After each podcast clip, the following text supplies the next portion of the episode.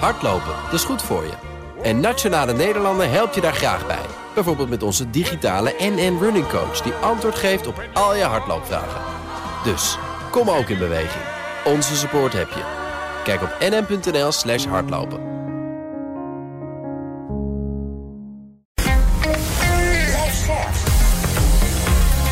BNR Nieuwsradio.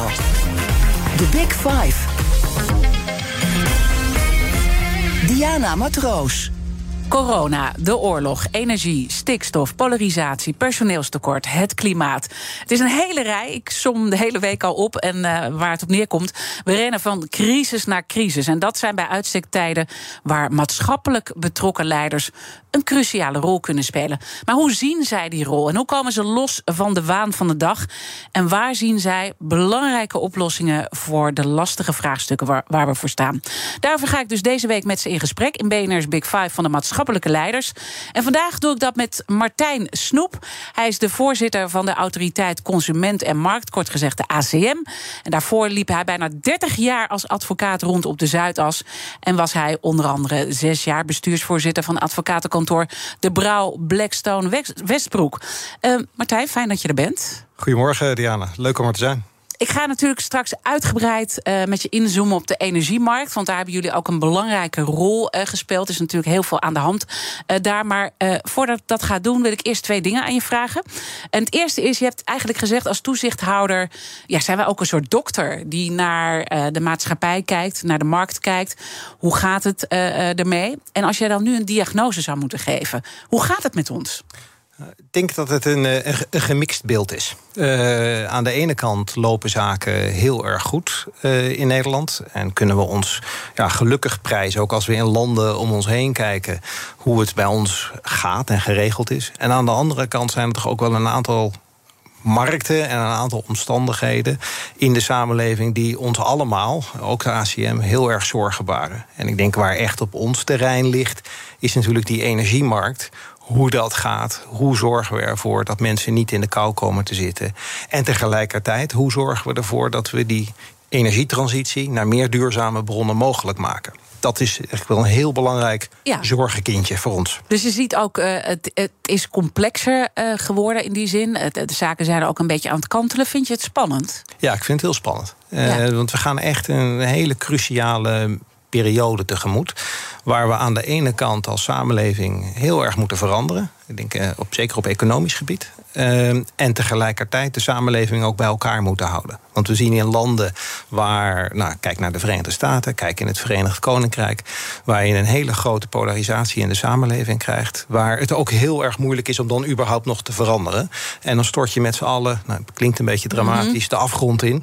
Uh, en zo bedoel ik het niet zo dramatisch. Maar, maar we zitten op een belangrijk kantelpunt en, en je moet snel acteren. Je kan niet meer lang wachten. Heel belangrijk. Ja. Maar belangrijk is veranderen, maar samen. Het tweede wat ik uh, van je wil weten. Je hebt uh, ook bij jouw aanstelling gezegd dat je het belang, belangrijk vindt om het goede te doen.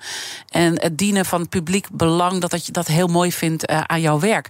Waar komt jouw gevoel van onrecht bestrijden vandaan? Want dat zit er eigenlijk een beetje onder. Ja, dat weet ik eigenlijk niet goed. Ik, ik denk dat ik dat altijd al gehad heb. Ja. dus ik werd in mijn studie erg gegrepen door de Europese beweging. En om te zorgen dat Europa sterker zou worden. Uh, dat heeft me heel erg geïnspireerd, ook in het latere werk wat ik ging doen als advocaat. En dat had ook te maken met het creëren van een betere samenleving in Europa, met z'n allen, met mm -hmm. heel Europa. En een strijd tegen toen hoge werkloosheid, hoge jeugdwerkloosheid, meer economische dynamiek, zodat er meer kansen voor meer mensen in Europa zouden ontstaan. En ik denk dat vanuit die, ja, die drive ga ik nog steeds, iedere dag stap ik uit mijn bed. Ja. En, en denk ik, ja, wat kan ik vandaag doen om de samenleving beter te maken? En als het dan gaat over die samenleving, dus echt een, ja, het is een jas die je hebt aangetrokken die jou gewoon heel goed past. Dat zeggen mensen ook uh, over jou. Dan uh, moet je natuurlijk ook op een bepaalde manier contact zoeken met die maatschappij. Weten wat er speelt. En ik merk ook aan een heleboel gesprekken dat we dat echt lastig vinden in Nederland. Hoe doen jullie dat? Hoe doe jij dat? Nou, eigenlijk op verschillende niveaus. Dus ik probeer aan de ene kant met stakeholders, uh, belangenorganisaties van bedrijven, maar van consumenten uh, niet-governementele organisaties uh, die zich bezighouden met algemeen belang doelen om daar contact mee te hebben. Maar wat ik ook doe is bijvoorbeeld meeluisteren met wat wij hebben ACM Consuwijzer. Dat is onze helpdesk voor consumenten, waar mhm. consumenten kunnen bellen met vragen. En uh, zo om de maand luister ik mee uh, van wat er speelt en wat hoor je nou aan de stem van mensen die bellen met ons en eigenlijk nou, in sommige gevallen gewoon in paniek zijn uh, en zich afvragen wat moeten we met deze energierekening en hoe kunnen we nou uit? Nou, dat grijpt me erg aan. En dat geeft ook een enorme drive om. Uh, om ervoor te gaan. Ja, ja. En, en, en daar ook uh, in te grijpen dan in zo'n uh, markt. Dat, dat komt straks uh, aan bod. Maar je zegt er is een soort paniek. Is, is dat een algemeen beeld wat je nu ziet in een maatschappij? En ook een houdingverandering misschien naar bedrijven toe? Nou, en gelukkig is de paniek er niet bij iedereen. Hè. Laten, ja. we dat, laten we het ook, ook in die zin wel. Mm -hmm uh, Nuanceren. inboxen. Ja. Maar ik denk traditioneel dat uh, toezichthouders zoals wij, uh, misschien de overheid in zijn algemeenheid, erg de blik heeft op de gemiddelde burger, de gemiddelde consument. En dat moet ook, want je kan niet iedere individuele nee. consument bedienen. Maar tegelijkertijd moeten we niet vergeten dat als je het hebt over de gemiddelde consument, dat, dat betekent ook dat er een hele grote groep onder dat gemiddelde zit. En bescherm je die consument of die burger nou eigenlijk wel voldoende? We kunnen het niet, ons niet veroorloven als samenleving om te zeggen: ja, sorry, heel vervelend, maar iedereen die onder het gemiddelde zit, die is eigenlijk op zichzelf aangewezen. En dan heb je het eigenlijk ook over de kloof uh, met uh, ja, bedrijfsleven, samenleving. Hè, en hoe gaan we daarmee om? Uh, nou, ik heb met Ingrid Thijssen, de voorzitter van VNO-NCW, ook duidelijk over die reis gesproken. nou, er kwam heel veel discussie. Dat kwam met het geblindeerde busje met de raden van commissarissen, de belangrijkste die daarin zaten, die ontboden werden bij Rutte. Toen kwam een brugproject. toen kwam de brede welvaartsagenda. Maar intussen is het natuurlijk ook heel complex om die agenda uit te voeren. Als je dan kijkt naar uh, hoe de houding is van bedrijfsleven naar burgers en andersom. Komen we dichter bij elkaar of groeien we meer uit elkaar? Ik denk dat we wat uit elkaar zijn gegroeid in, de, in de loop der tijd. En dat het nu zaak is, en vandaar dat ik ook zei... we moeten samen die verandering doen. Uh, dat we uh, ja, moeten proberen om al die partijen dichter bij elkaar te brengen... en gezamenlijk te werken aan een oplossing. Het is niet voor niets dat onze missie is ook. Mm -hmm. Markten goed laten werken voor mensen en bedrijven, nu en in de toekomst. En, en, en er zitten twee dingen die belangrijk zijn. Je, je kan een markt werkt alleen maar als er ook bedrijven zijn die op die markt producten willen aanbieden. Mm -hmm. Anders heb je niks aan de markt. Dus het gaat om mensen en bedrijven. Niet alleen de mens als consument, maar ook de mens als burger. Dus veel breder begrip over hoe zit die mensen in elkaar. En wat heel erg belangrijk is, wat natuurlijk een grote rol speelt in de duurzaamheidsdiscussie, is er nu en in de toekomst. We zijn er niet alleen maar voor zo laag mogelijke prijzen nu, als dat betekent dat we met die lage prijzen nu onze toekomst voor onze kinderen en onze kleinkinderen verknallen.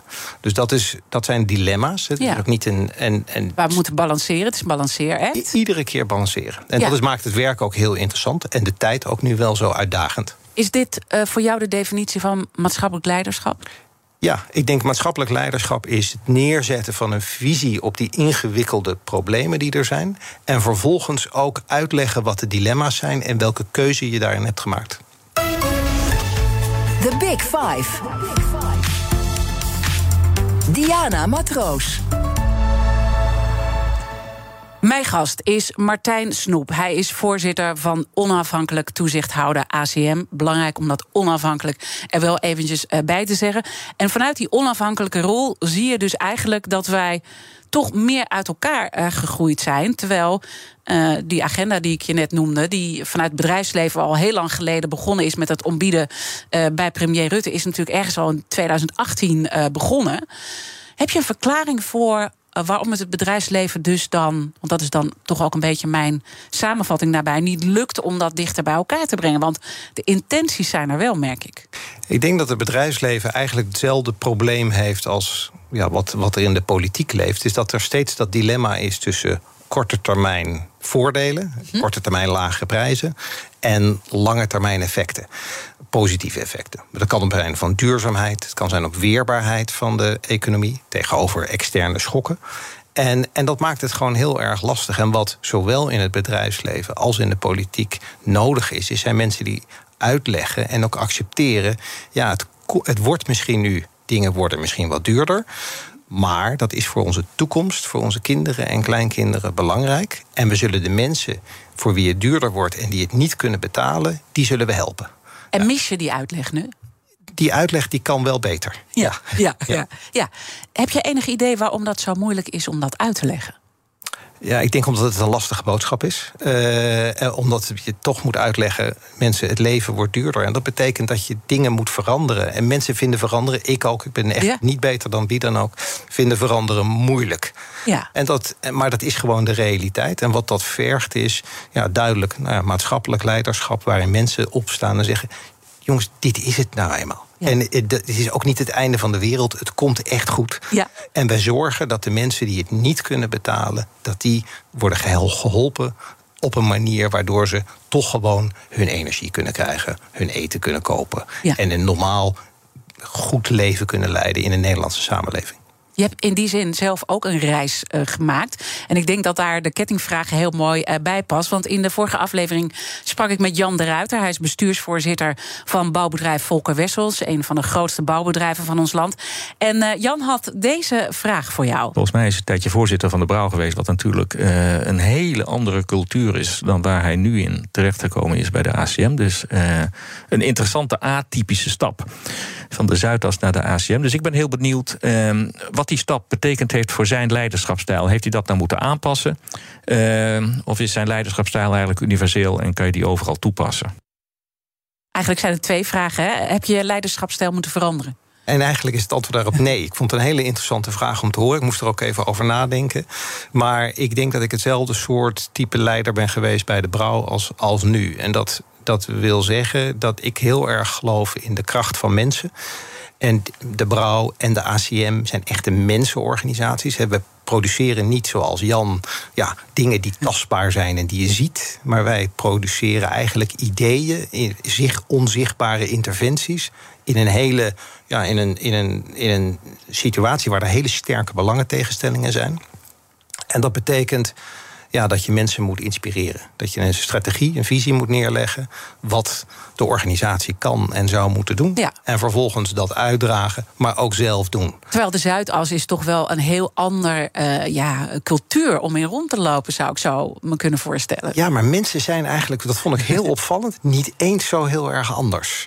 Dus in de advocatuur ook heel, wat je ook ziet bij de ACM, hele gedreven specialisten die heel mhm. veel weten van een, een relatief klein gebied daar enorm trots op zijn en daar hun plezier en hun werkplezier uithouden. Die ook allemaal echt wel een maatschappelijk hart hebben, of een groter hart. Het gaat niet alleen maar over geld Dat is niet het beeld, denk ik, dat we hebben van de Zuidas. Ja, hè? Ik bedoel, dat is toch een beetje... We horen soms ook uh, nou ja, vrouwen over de Zuidas, uh, advocaten uh, nou ja, uit de school klappen er zit ook echt wel een nasty kantje aan.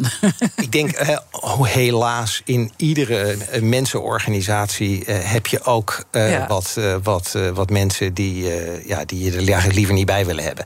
Maar als je kijkt naar gewoon de, de organisaties als zodanig, zie je toch dat de meeste mensen heel veel plezier uit hun werk halen, uit hun specialisme halen. Daar zit heel veel kracht in en die kracht moet je kanaliseren. Ik, ik durf zelfs te zeggen dat hier op de redactie van BNR het niet eens zoveel anders is dan bij de ACM of bij de Brouw. Ja, ja, Het zijn eigenlijk ook individuele specialisten die heel goed zijn in hun vakgebied, die je moet laten samenwerken en die, waar je de energie in een bepaalde richting moet duwen. Dus dit is ook heel interessant, want het gaat over beelden die we dan over en weer naar elkaar hebben. En die beelden zijn aan het kantelen nu in onze maatschappij.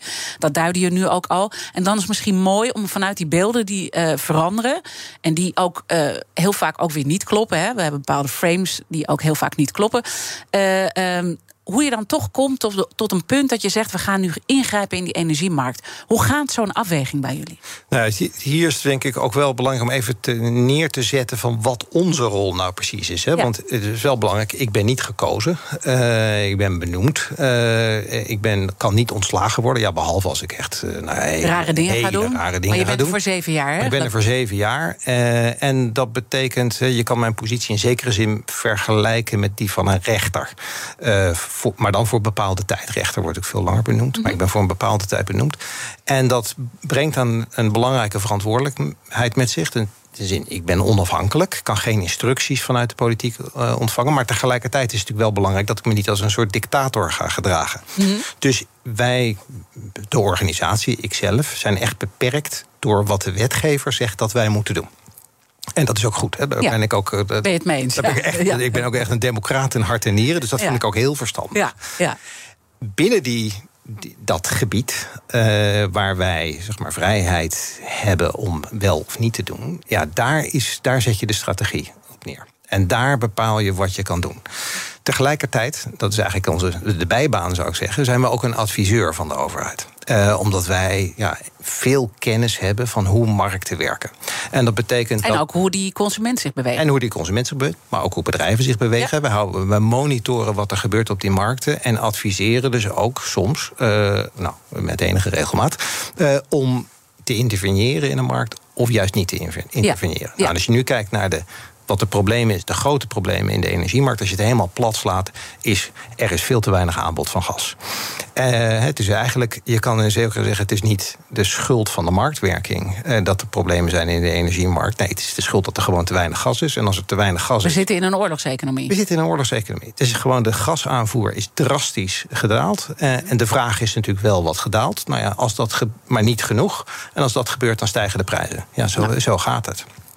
Maar dat heeft tot gevolg dat er een grote groep mensen in Nederland echt in de problemen zijn gekomen. En daarom waren wij ook, vonden we het ook verstandig dat de overheid, en dat moet dus de wetgever doen, heeft gezegd. Wij gaan een price cap en een volume cap op de gasprijzen en op de elektriciteitsprijzen zetten. Om ervoor te zorgen dat ja, mensen nog wel hun energierekeningen kunnen betalen. Ja. En tegelijkertijd zal de grote uitdaging zijn om.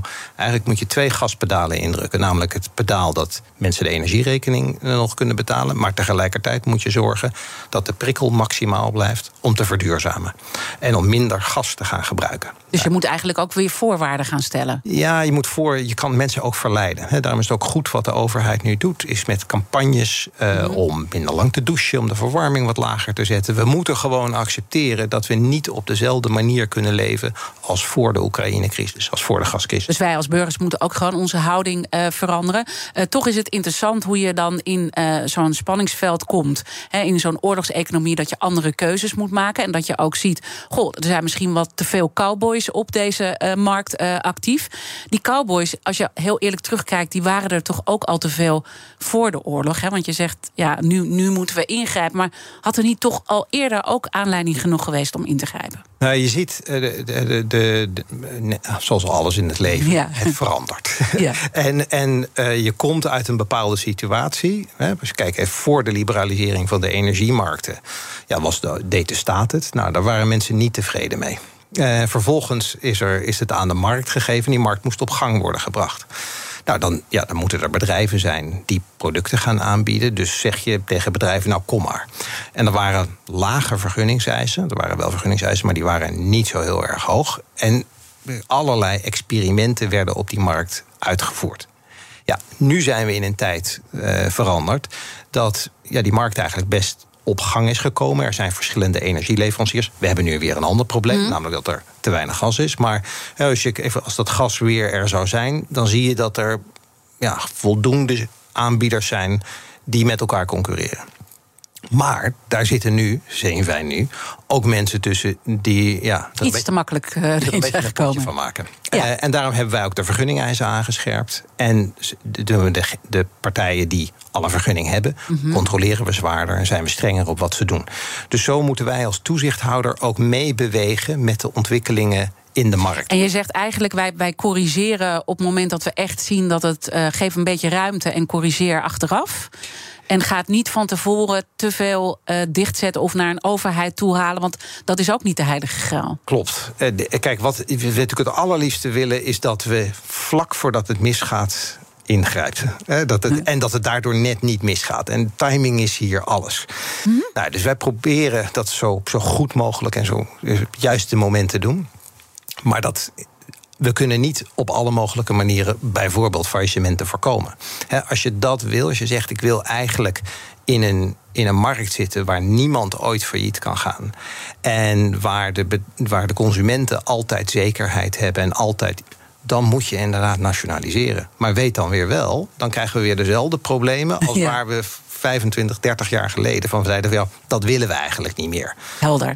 En laten we dan zo meteen uh, verder praten. Mijn gast is ACM-voorzitter Martijn Snoep. Over hoe zij omgaan met de beoordeling van markten die steeds internationaler worden. En dan gaan we ook duurzaamheid bij de kop pakken. Blijf luisteren. Business Booster. Hey ondernemer, KPN heeft nu Business Boosters. Deals die jouw bedrijf echt vooruit helpen. Zoals nu, zakelijk tv en internet, inclusief narrowcasting... de eerste 9 maanden voor maar 30 euro per maand. Beleef het EK samen met je klanten in de hoogste kwaliteit. Kijk op kpn.com slash businessbooster. Business Booster. Hardlopen, dat is goed voor je. En Nationale Nederlanden helpt je daar graag bij. Bijvoorbeeld met onze digitale NN Running Coach... die antwoord geeft op al je hardloopvragen. Dus, kom ook in beweging. Onze support heb je. Kijk op nn.nl slash hardlopen.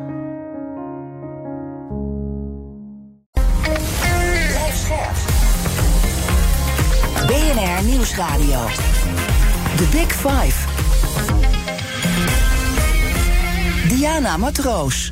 Welkom bij tweede half uur. Deze week spreek ik met vijf maatschappelijke leiders. Eerder deze week sprak ik met Ingrid Thijssen, voorzitter van VNO-NCW...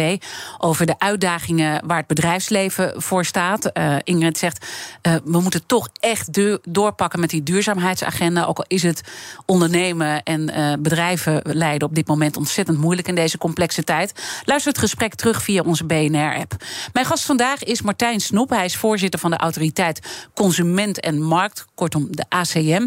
Uh, en we waren eigenlijk net op het punt gebleven met die energiemarkt, waar jullie dan afwegingen maken om uh, dan toch in uh, te grijpen. Overigens is dat verhaal nog niet klaar. Hè, want jullie hebben natuurlijk ook wel de bedrijven aangesproken. die opeens met onverwachte tariefswijzigingen kwamen op het laatste moment. maar jullie hebben ook strengere eisen naar die elektriciteitsbedrijven toe. Naar die energiebedrijven. Ehm, kan je al een beetje zeggen uh, hoe die gesprekken gaan en hoe weerbaar eigenlijk die bedrijven uh, zijn. Want ook daar zijn zorgen over. En Petri Hofstee, uh, de invloedrijkste commissaris van ons land, die ik eerder sprak, die zei: we hebben toch een beetje de weerbaarheid van bedrijven in de breedte onderschat. En dat komt nu naar boven. Ja, ik denk dat, uh, dat dat een terechte zorg is. Dat we eigenlijk uh, ja, met z'n allen uh, niet hebben gedacht dat er zo'n externe schok zou kunnen ontstaan. Ja. Hoe, met de Oekraïne-crisis. Um, je ziet eigenlijk hetzelfde met de coronacrisis. Er waren, er waren mensen natuurlijk die al jarenlang voorspelden: luister eens, er komt een keer zo'n virus aan en wees dan voorbereid. Maar op een of andere manier zijn we overvallen. Als mens toch niet in staat. En dat bleef ook zo, hè? Ja, en dat is natuurlijk ook hetzelfde met het gas. Heel veel mensen hebben gewaarschuwd: uh, wees niet, word niet afhankelijk van dat Russisch gas. En we zijn toch, ja, hopen we dat het allemaal meevalt. Ja. Uh, en zijn we daar onvoldoende op voorbereid. Ik denk dat dat voor bedrijven hetzelfde geldt. En er zijn ook net, ik zou zeggen wel, het zijn net mensen, bedrijven. uh, en ook die hebben onderschat ja, wat voor externe schokken er zijn en dat ze daarop voorbereid moeten zijn. Dus dat is een van de dingen waar wij nu met bedrijven, energiebedrijven in gesprek over gaan. Om te zorgen dat is hun e- inkoopstrategie voldoende weerbaar voor dit soort externe schokken. Uh, het is nog te vroeg om te zeggen van hoe ze ervoor staan. We hebben mhm. de resultaten, we hebben eigenlijk de eerste resultaten komen nu binnen van, uh, van hoe ze dat, hun inkoopstrategie hebben vormgegeven. We gaan nu in gesprekken met bedrijven, we gaan het analyseren in gesprek. En dan ja, die bedrijven die hun inkoopstrategie moeten aanpassen. Mhm.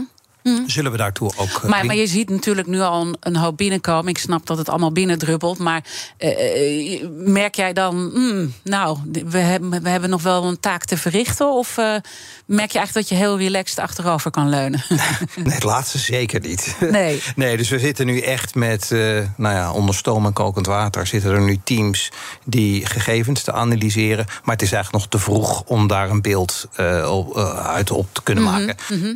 Het is in ieder geval geval, maar het is, ook, het is ook niet zo dat dit een soort verborgen boodschap is van: oh god, er zit iets heel ergs aan. We weten het gewoon nog. Nee, maar het feit dat uh, de warmtenetten dan in handen komen, hè, dat de overheid daar weer de regie pakt, vind je dat wel een verstandig besluit? Nou, dat is, die warmte dat is een hele bijzondere uh, situatie. Want dat zijn echte monopolisten. Hè? Een warmtenet, ja, je kan niet twee warmtenetten naast elkaar hebben. Mm. Um, en uh, ik zeg zelfs wel eens, ja, een, een, een, monopolie in private handen is eigenlijk een vergunning om geld te drukken.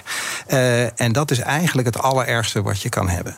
Dus daarom vind ik het verstandig dat je zegt, ja, in situaties waar er eigenlijk geen marktwerking is. Uh, dat kan gewoon niet, want mm -hmm. je kan niet een dubbel warmtenet aanleggen. Dat je daar als overheid zegt, nou, dan ga ik dat doen. Ja, maar ja. daar moeten we ook geen overdreven verwachtingen van hebben. Dus het is ook belangrijk dat, dat er ja, ook weer toezicht wordt gehouden op die overheid. We doen dat bijvoorbeeld ook met netwerkbedrijven. Dus de elektriciteitskabels, de gasnetten. Ja. zijn natuurlijk ook in handen van de overheid. 100 procent zijn overheid. Nou ja, we hebben natuurlijk bij de overheid uh, in tal van voorbeelden kunnen zien dat ze niet echt goed met de burger zijn omgegaan. Dan druk ik me nog zachtjes uit. Nee, ook overheidsbedrijven ja. en overheidsinstanties kennen hun problemen. zijn complexe organisaties. Uh, en daar gaan ook dingen mis. En soms echt gruwelijk mis. Uh, dus dat zeg ik ook vaak als waarschuwing tegen mensen. Oh god, de overheid moet dit doen. Zeg ja, dat is dan niet zo. Niet. Dat, nou ja, nou. Het is niet zo dat het dan automatisch goed gaat. Hè. Ja. We, we, in al die liberaliseringsgolven die we hebben gehad in de afgelopen tijd, die zijn uit ontevredenheid met de voorgaande situatie gekomen. Ontstaan, ja. ja. Dus dat blijf je maar herhalen dat we dat goed, uh, goed snappen. Ja, zonder dat je dogmatisch moet zijn. Nee, het moet altijd bij de markt blijven. Daarom ja. vind ik ook dus dilemma met die warmtenetten. Dat begrijp ik goed. Dat je zegt, nou, uh, ja, die warmtenetten die waren een aantal in private handen, waren in overheidshanden. Maar we willen dat nu in overheidshanden houden. Er ja. zitten voor- en nadelen aan. Nou, het is heel belangrijk, het is echt een politieke beslissing, dat die voor- en nadelen tegen elkaar worden afgewogen. En uiteindelijk wordt er uitgelegd voor welke oplossing wordt gekozen. We gaan het uh, nog hebben over het internationale speelveld. Want dat is ook interessant hoe jullie daar bewegen, ook met de techbedrijven. Maar laten we het ook zeker hebben over duurzaamheid. Want het is ook uh, voor jullie is dat een, uh, een belangrijk punt. En dan zit je een beetje. Hè, jullie beschermen natuurlijk de consumenten. En maken daar elke keer als onafhankelijk toezichthouder een afweging. En wat ik interessant vond met Jan de Ruiter, bestuursvoorzitter van Volker Wessels, die zei eigenlijk moeten we in Nederland ook soms een beetje door de regels heen durven kijken. En eigenlijk doen jullie dat met duurzaamheid. Want jullie geven partijen die daar willen samenwerken, waar je natuurlijk nou ja, echt ook voor waakt eigenlijk vanuit jouw rol, geven jullie toch de mogelijkheid om dat te doen. Waarom die uitzondering op die regel? Nou, dat heeft eigenlijk weer te maken met waar we begonnen. Die transities die, waar we nu voor staan, die kun je alleen maar samen doen. Je, je kan niet ja, sommige veranderingen kunnen bedrijven en mensen individueel aan. Maar heel veel van die veranderingen die noodzakelijk zijn, die vergen een collectieve inspanning. En een inspanning die op elkaar is afgestemd. Als de ene bedrijf gaat verduurzamen, die heeft een grondstof nodig die ook duurzaam moet zijn. Ja, dat betekent ook dat de toeleverancier mm-hmm. moet weten van ja, gaat hij dat wel afnemen? En als hij maar één klant heeft, ja, dan is dat wel erg weinig. Dus die wil graag weten of er meerdere klanten zijn die die duurzame grondstof willen hebben. Nou, zover heb je een zekere mate van ja, regie, afstemming in de samenleving nodig om door die transitie heen te gaan. De kartelregels, mededingingsregels, die staan daar ten dele aan in de weg. En daarom hebben wij. Maar er zit ook een uitzondering in die, in die kartelregels. En die uitzondering die is eigenlijk heel weinig toegepast in de afgelopen jaren. En wij hebben gezegd: laten we nou die uitzondering er weer eens even uithalen, afstoffen. en toepassen op de huidige situatie van die noodzakelijke transities die in de samenleving nodig zijn. En dus geven jullie daar uh, meer ruimte, maar dan moet je ook een soort uh, ecosystem of trust moet je eigenlijk uh, creëren. En Edelman heeft ook, onderzoeksbureau Edelman heeft gezegd, we leven in een cycle of distrust. Hoe krijgen jullie dat voor elkaar? Want heel veel complexe problemen blijven hierop vastlopen.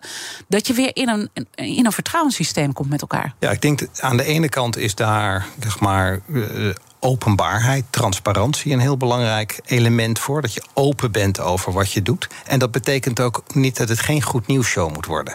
Want het is niet alleen maar een goed nieuwsshow. Dus je, je kan, transparantie werkt alleen maar als je transparant over alles bent. En ook laat zien wat de lastige dilemma's zijn. En dat je uitlegt waarop je ja, tussen deze twee onzekerheden hebt gekozen voor de ene onzekerheid. Dus dat is denk ik één belangrijk ding.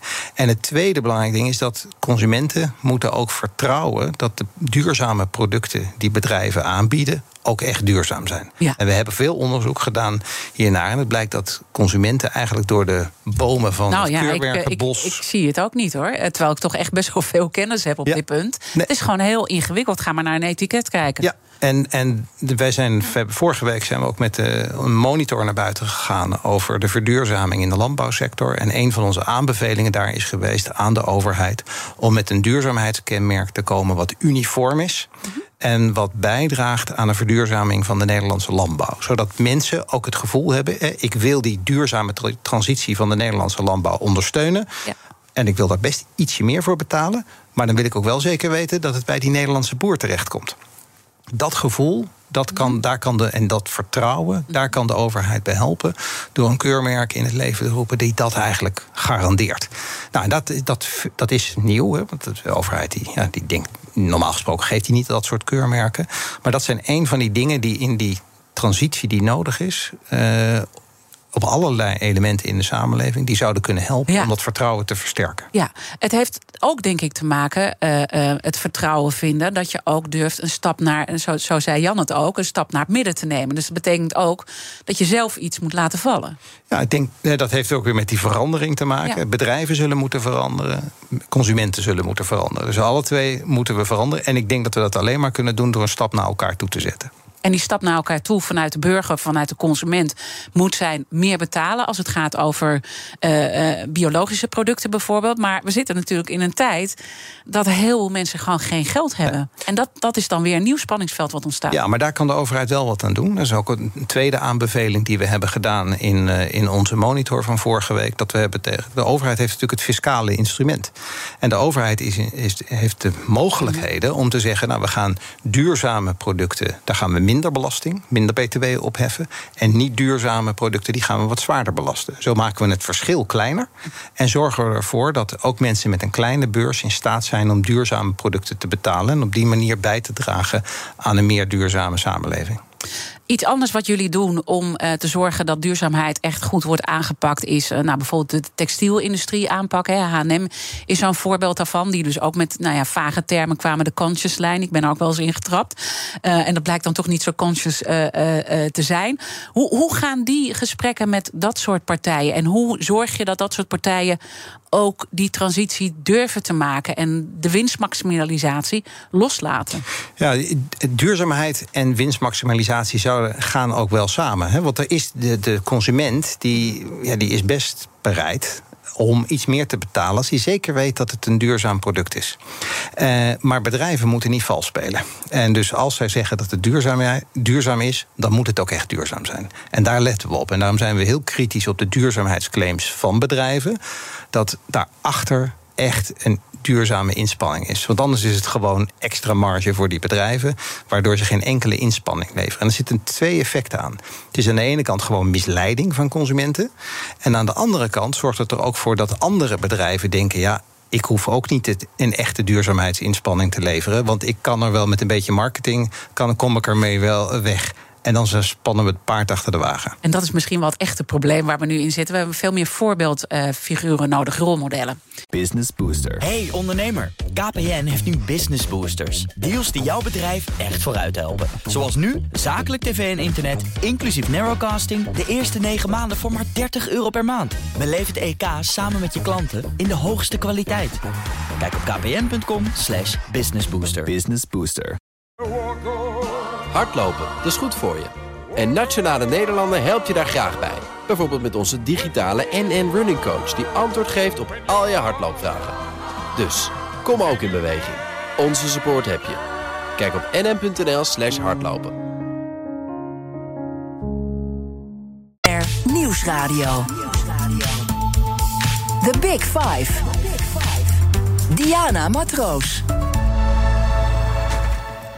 Je luistert naar BNR's Big Five van de maatschappelijke leiders. Eerder deze week sprak ik met topcommissaris Petri Hofstee over hoe zij als invloedrijkste commissaris van uh, Nederland bedrijven beweegt om maatschappelijk verantwoordelijkheid te nemen.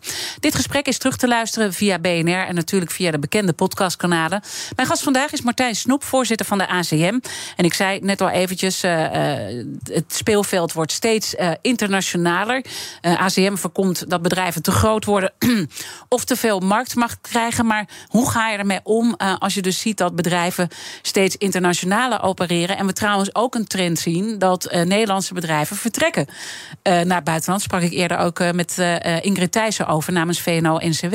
Hoe moet je daarmee omgaan met dat spanningsveld? Eigenlijk precies hetzelfde met alle andere grote problemen die we moeten aanpakken door samenwerking. Uh, en je ziet ook dat uh, mededingingsautoriteiten, consumentenautoriteiten, energieautoriteiten in de hele wereld, en met name in Europa, steeds beter in staat zijn om samen te werken. En zo zie je dat ook op de digitale economie. Daar hebben we inderdaad een kei van een probleem. Uh, we hebben, Jullie hebben een zaak tegen Apple gevoerd? We zijn een zaak tegen Apple gewoond. We hebben te maken met hele machtige bedrijven die in staat zijn eigenlijk om voor een groot deel binnen mm. dat gebied te bepalen wat we doen, wat we lezen, wat we kopen. En dat is een macht die gewoon in een democratie niet thuis hoort. En vandaar ook dat er de wetgever, de Europese wetgever, heeft ingegrepen en heeft gezegd. Uh, daar moet wat aan gedaan worden. Er zijn twee hele belangrijke wetten gemaakt: de Digital Markets Act en de Digital Services Act. En in beide wetten spelen wij als ACM ook een rol. Maar we kunnen dat nooit alleen aan. En daarom is het zo goed dat we dat samen met andere autoriteiten in Europa, samen met de Europese Commissie, aanpakken en proberen ja, dit marktprobleem, want dat is het echt, uh, op te lossen. En hoe moeilijk is dat als je met andere uh, nou ja, autoriteiten op dat punt gaat samenwerken, terwijl misschien een bepaald land uh, ja, heel veel voordeel geniet van zo'n grote tech-reus? Het gaat natuurlijk ook, het is ook een spel van belangen. Het is een spel van belangen, en, maar dat gek genoeg met de big tech maakt dat dat relatief makkelijk, doordat er niet één Europees land, ja, de meeste Europese landen niet bijzondere belangen hebben bij een van de big tech bedrijven. Uh, en uh, dat maakt het dus makkelijker dat we met z'n allen binnen Europa daartegen optreden. Mm. En we zijn denk ik daar ook in Europa echt voorlopers in de hele wereld. Want we zijn natuurlijk niet het enige gebied in de wereld die hier last van heeft. En ik verwacht ook dat andere landen in de wereld erg zullen kijken naar wat Europa op dit gebied doet. Dus we hebben een voortrekkersrol in de wereld bij het aanpakken van big tech. Het zal niet makkelijk zijn dat is, moeten we. Eh, dit zijn. Want waar, waar, waar, zitten de ingewikkeldheden in dit proces? Nou, de ingewikkeldheden is dat die grote bedrijven, die grote big tech bedrijven, natuurlijk alles zullen doen om een uiterst winstgevende businessmodel in stand te houden. daar zitten ook weer hele grote financiële belangen achter. Dus het is echt wel een strijd. Maar een strijd waarvan ik van overtuigd ben, die we in Europa met z'n allen kunnen voeren. Dat kan ook alleen maar in Europa. Ja, je kan ze natuurlijk uh, niet makkelijk beboeten. Het zijn, het zijn uh, partijen die in Amerika opereren. Ja, daar, daar, heb je niet zoveel invloed op, denk ik dan. Nou, heel veel van die bedrijven hebben natuurlijk ook hele grote vestigingen in Europa. Ja. Dus je kan ze zeker, zeker beboeten. En ten tweede willen die bedrijven ook heel graag op de Europese markt actief zijn. Want de Europese markt is toch een hele aantrekkelijke markt. Mijn zorg als we dat als Nederland alleen was. Hè, dus ik heb wel eens nagedacht, goh, onze strijd tegen Apple, die hebben we natuurlijk ook op de achtergrond samen met de Europese Commissie gevoerd. Ja, alleen dus lukt niet. Mijn grote zorg was met Apple altijd: goh, stel je nou eens voor dat Apple zegt: ja, weet je wat, nou ja, die ACM die zijn zo lastig, uh, laten we maar voortaan geen App Store meer ondersteunen in, eh, in ja, Nederland. Nou, nou dan, nou, dan hebben we echt een enorm probleem. Ja. Maar dat laat ook zien hoe gevaarlijk de situatie is. Het is echt een bedreiging ook voor onze democratie als we hier niet een adequaat antwoord voor hebben. Want anders hebben bedrijven een veel grotere macht over ons dan we eigenlijk zouden moeten willen. Uh, de overname van Talpa door RTL, eh, die fusie. Uh, nou ja, daar wordt uh, binnenkort meer over verwacht. Ook als het gaat over jullie oordeel. Neem je dit soort zaken dan ook daarin mee? Wat er zeg maar ook met allerlei online streamingsdiensten en internationale techbedrijven speelt aan macht? Ja, we kijken dus eigenlijk altijd naar. Ja, als er twee bedrijven fuseren, dan proberen we een soort voorspelling te doen over wat gaat er gebeuren in de toekomst. En dat is eigenlijk het, het, het element van fusiecontrole. En dan modelleren we, dan kijken we naar trends en dan kijken we Maar we kunnen ook niet te ver in de toekomst kijken. Want ja, hoe verder je kijkt, hoe onzekerder het wordt. Dus meestal kijken we op een termijn tussen direct na de overname en vijf jaar na de overname. Dat is ongeveer de horizon die we goed voor ogen hebben. Uh, en als dan blijkt dat als gevolg, we verwachten dat als gevolg van de fusie de prijzen zullen stijgen, of de, de kwaliteit zal dalen, of de innovatie afneemt, dan verbieden we een fusie. En dat is een open vraag. Hè. Iedere mhm. zaak beoordelen we weer op zijn eigen merites. Kijken we, praten we met allerlei mensen, doen we diepgaand economisch onderzoek. Eigenlijk, we maken echt economische modellen. Uh, we gaan heel diep in de, in de cijfers van alle betrokken bedrijven. En op basis daarvan doen we een voorspelling en verbieden we of verbieden we niet. Ja, en wanneer uh, komt jullie oordeel? Het is altijd ingewikkeld om te zeggen. Ik zal niet, die termijnen zijn niet hard. Uh, bedrijven kunnen zelf ook invloed uitoefenen hoe lang die termijn doet. Maar ik verwacht dat het niet lang gaat meer duren. Ja, en, en geeft dat aan dat het dus ook niet ingewikkeld is en vrij uh, duik. Hè, want we kunnen nu een heel spelletje gaan spelen. Maar je gaat natuurlijk toch niet zeggen uh, wat het oordeel. Dus dat ga ik je ook niet uh, vragen. Maar zijn het ingewikkelde afwegingen of valt het best mee? Nee, het zijn ingewikkelde afwegingen. We zijn er al bijna een jaar mee bezig. Mm -hmm. dus het zijn zeer ingewikkelde afwegingen. Waar ook de belangen natuurlijk aan alle kanten heel hoog zijn. Hè. De partijen willen heel graag deze fusie. Dus die bestoken ons. En dat begrijp ik ook. Hè. Dat, ik heb dat zelf vroeger natuurlijk ook gedaan. Met allerlei analyses en informatie en meningen. En die proberen ons natuurlijk ook in een bepaalde hoek te krijgen. Zodat we niet anders kunnen dan dan goedkeuren. En aan de andere kant, ook in deze zaak, zijn er bedrijven, zijn er organisaties die heel erg tegen die fusie zijn. En die doen hetzelfde. Ja. Uh, dus wij moeten ja, daar eigenlijk bovenuit stijgen. Daar de balans tussen vinden. En, en hoe doe je dat? Want ik begon in het begin ook van hoe zorg je dat je als maatschappelijk leider loskomt van de waan van de dag. En de waan van de dag heeft ook dit soort spelletjes die van twee kanten worden gespeeld, heeft daar ook mee te maken. Hoe ontstijg je dat? Op niet uh, eigenlijk als doctrinair erin zitten. Dus niet vanuit een bepaald vooroordeel van zo moet het, maar heel erg naar de feiten kijken. De feiten voor zich laten spreken en op basis daarvan ja, gewoon een heldere, duidelijke openbare beslissing nemen. Waarin je ook laat zien van nou, we hebben dit meegewogen, we hebben dat meegewogen. En als je alles afweegt, dan is het waarschijnlijker dat dit gebeurt dan dit gebeurt. Dus eigenlijk wat je eerder ook zei, wat we veel meer moeten leren in Nederland, ook in de politiek, veel meer uitleggen. Welke afwegingen maak je nu?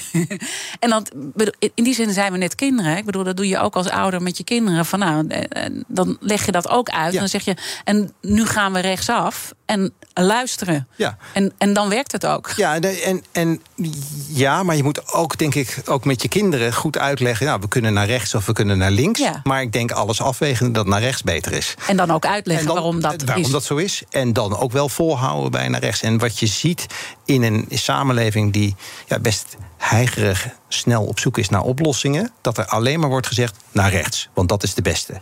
Uh, en er wordt niet meer gezegd, ja, naar rechts heeft ook nadelen. Uh, dus, en het gaat om de afweging. Er zijn geen ideale oplossingen die onder alle omstandigheden altijd goed uitpakken. En gewoon ook eens een keer in iemands anders perspectief gaan staan, dat zou toch ook wel eens helpen, hè? Dat ja. Um, Misschien is dit een hele mooie brug naar volgende week. Want uh, dan ga ik een Big Five maken. Democratie onder druk. En de eerste gast waarmee ik begin is onze eigen politiek verslaggever Sophie van Leeuwen. Want die heeft zich heel erg uh, verdiept in dit onderwerp al jarenlang. Uh, wat zou je aan haar willen vragen? Ja, wat ik aan haar zou willen vragen en waar ik erg benieuwd naar ben, is hoe zij haar eigen rol als journalist ziet. Uh, want we hebben, kunnen het allemaal onderschrijven. We zitten in een gepolariseerde samenleving, in een gepolariseerde democratie. met ontzettend veel partijen die ongelooflijk tegengestelde meningen hebben over bepaalde dingen. Wat zie je nou als. Moet je als journalist doen? Ben je een soort neutrale toeschouwer die verslag doet van alle kanten en zelf geen stelling neemt?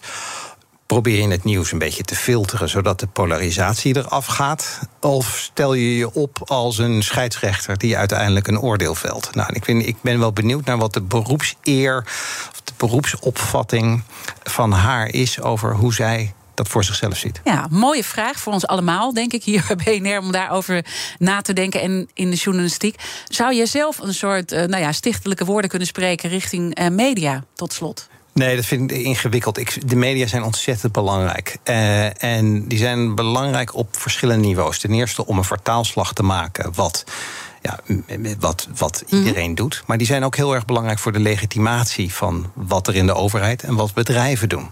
Ehm, dus ik zou niet een soort oproep doen, de media, dat moet zus of dat moet zo. Ik denk juist ook dat het pluriforme geluid van de media heel erg belangrijk is. Ook een van de redenen bijvoorbeeld dat we kritisch zijn op machtsconcentratie in de mediasector. Dankjewel, Martijn Snoep, dat je mijn gast wilde zijn uh, vandaag. Voorzitter van de ACM. En natuurlijk is alles van BNR's Big Five, ook alle andere thema's, terug te luisteren. Abonneer je op onze podcast via onze app, want dan weet je zeker dat je niks mist. Uh, het kan ook trouwens uh, via je favoriete podcastkanaal. Maar blijf live. Zometeen Kees Dorenstein met BNR breekt. Ik wens je een mooie dag en een prachtig weekend. Hardlopen, dat is goed voor je. En Nationale Nederlanden helpt je daar graag bij. Bijvoorbeeld met onze digitale NN Running Coach... die antwoord geeft op al je hardloopvragen. Dus, kom ook in beweging. Onze support heb je. Kijk op nn.nl slash hardlopen.